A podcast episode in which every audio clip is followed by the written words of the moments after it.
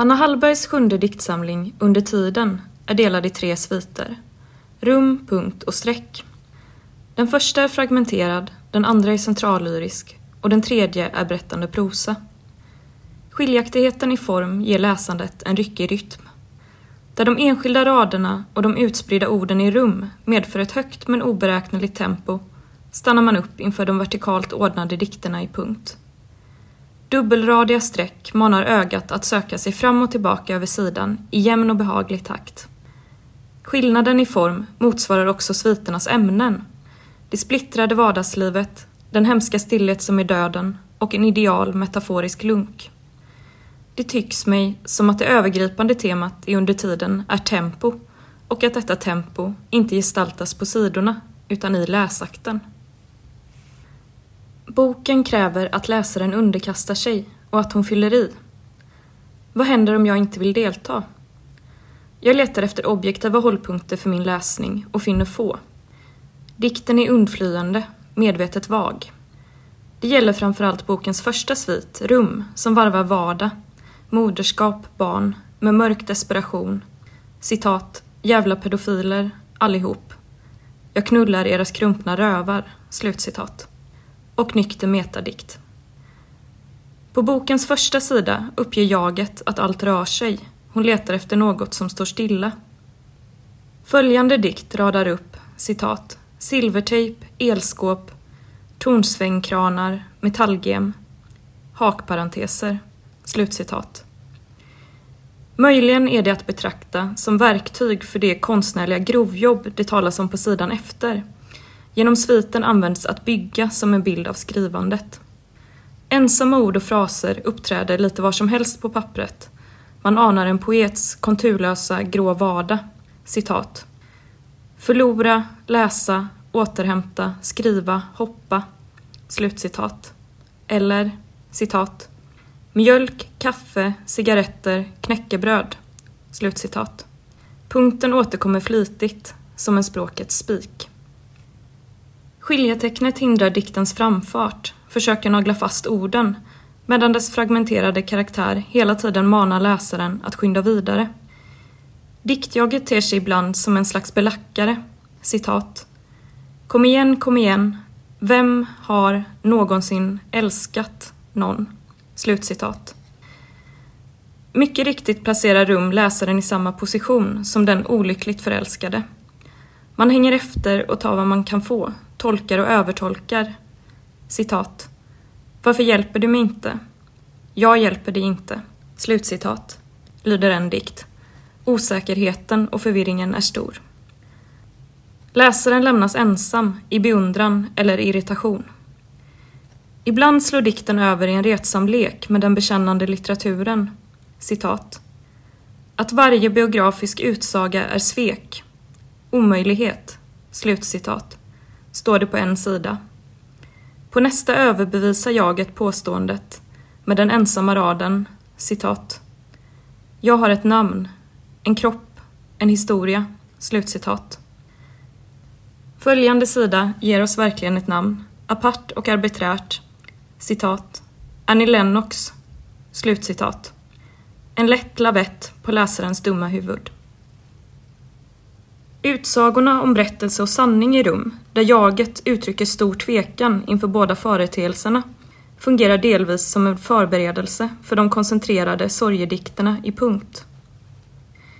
I dem framstår det alltjämt vaga och allmänna som ett uttryck för en av döden urholkad tillvaro.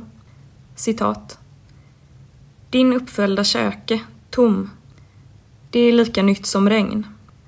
Jag äter någon slags mat. Det märkvärdiga, att din mun inte stängs, inte öppnas. Slutcitat. Dikten kan med fördel jämföras med en ur den föregående delen där det stundtals ursinniga jaget önskar sig ett rum att vistas i. Citat. En jävla grav, spegling, något hålrum åtminstone. Munnen en annan munhåla, finns det inte något att lägga sig inuti. Slutcitat. Den tomma kringirrande olyckan som har utspelat sig lika mycket i den övergivna läsaren som på sidorna förbyts i klar begriplig sorg. Dikten riktar sig inte längre direkt till läsaren, utan till ett du. Läsaren kan då antingen acceptera tilltalet och identifiera sig med den döde eller upprätta distans till dikten och betrakta den utifrån. Intressant ur detta perspektiv är att det du som tilltalas förblir undflyende i analogi med första svitens misstänksamhet mot den biografiska utsagan. Den döda tycks omväxlande vara en mor, ett barn, en vän och en älskare. Trots skiftningarna får dikten genom duet ett objekt och blir därmed bildrik och medelsam. Citat. Sen du dog går dagarna långsammare. Det är något med tiden som inte fungerar. Ryckiga språng, gula stopp, jag hittar min hand på en hylla. Innan jag inser att den är min. Också orden blir färre, lösare. De håller inte tag. Och jag har svårt att vrida upp locket. Våra meningar är söndertvättade, resåren sladdrig.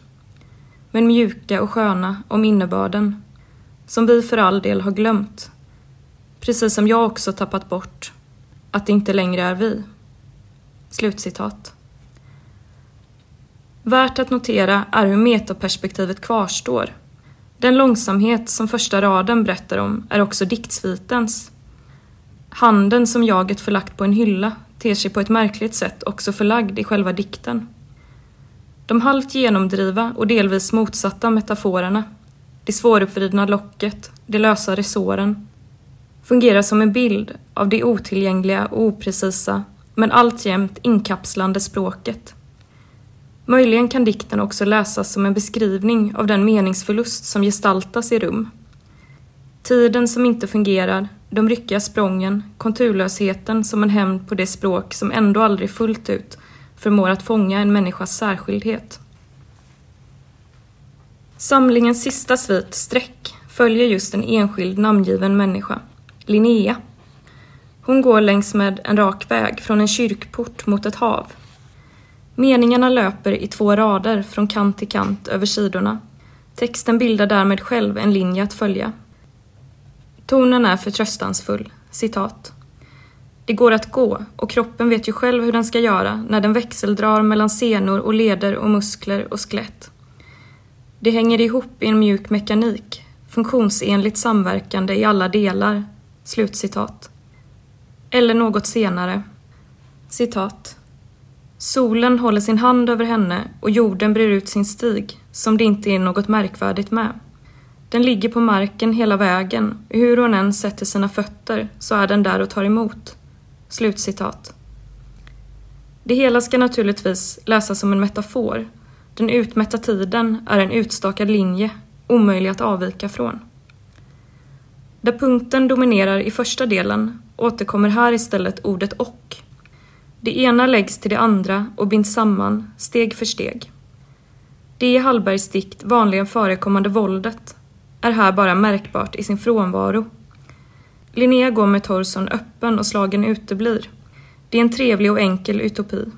Tills allt avslutas med en oförklarligt uppdykande hare. Kanske ska den läsas som en gest, en axelryckning. Där rum ger uttryck för affekter och punkt för känslor så tecknas streck en sorts liknöjdhet. Naturligtvis är också det en fråga om tempo. Det hastigt uppblossande, det besinnat varaktiga, det lätta vidarevandrandet. Distansen ökar allt eftersom. Det är skickligt genomfört och under tiden är intressant, som artefakt. Mer tveksam är jag till hur boken genom sina många ellipser låser in läsaren i den egna upplevelsen. Visserligen arbetar Hallberg alltid aktivt med läsakten, men när hennes poesi är som bäst upprättar den ett utrymme för tanken att vila i, direkt på boksidan. Som i Ljusgrönt och aska från 2014, där titelns två, till synes omaka ord binds samman genom tre parallellt löpande dikter. Under tiden blir dessvärre aldrig till en sådan plats. Man kan ta med sig vackra enskildheter och drabbande meningar ur dikterna, men sammanhanget tycks i allt för hög grad vara beroende av vad som uppstår inom mig. Om jag sedan ser efter på pappret finns inte något som liknar min tanke där. Och samtidigt, vad kan man göra med en dikt som, citat, då, men nu, slutcitat, om inte fylla ut? Antingen läser man lydigt och anar en värld bortom de tre orden, så mycket större genom den närmast parodiska ordknappheten. Dikten tycks anspela på allt som inte står där.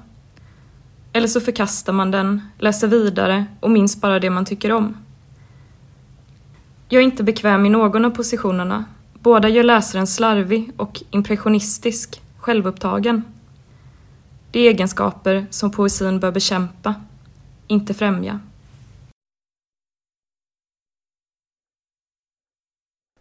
Den här recensionen är originalpublicerad på www.ornenochkrakan.se under ansvarigt utgivarskap.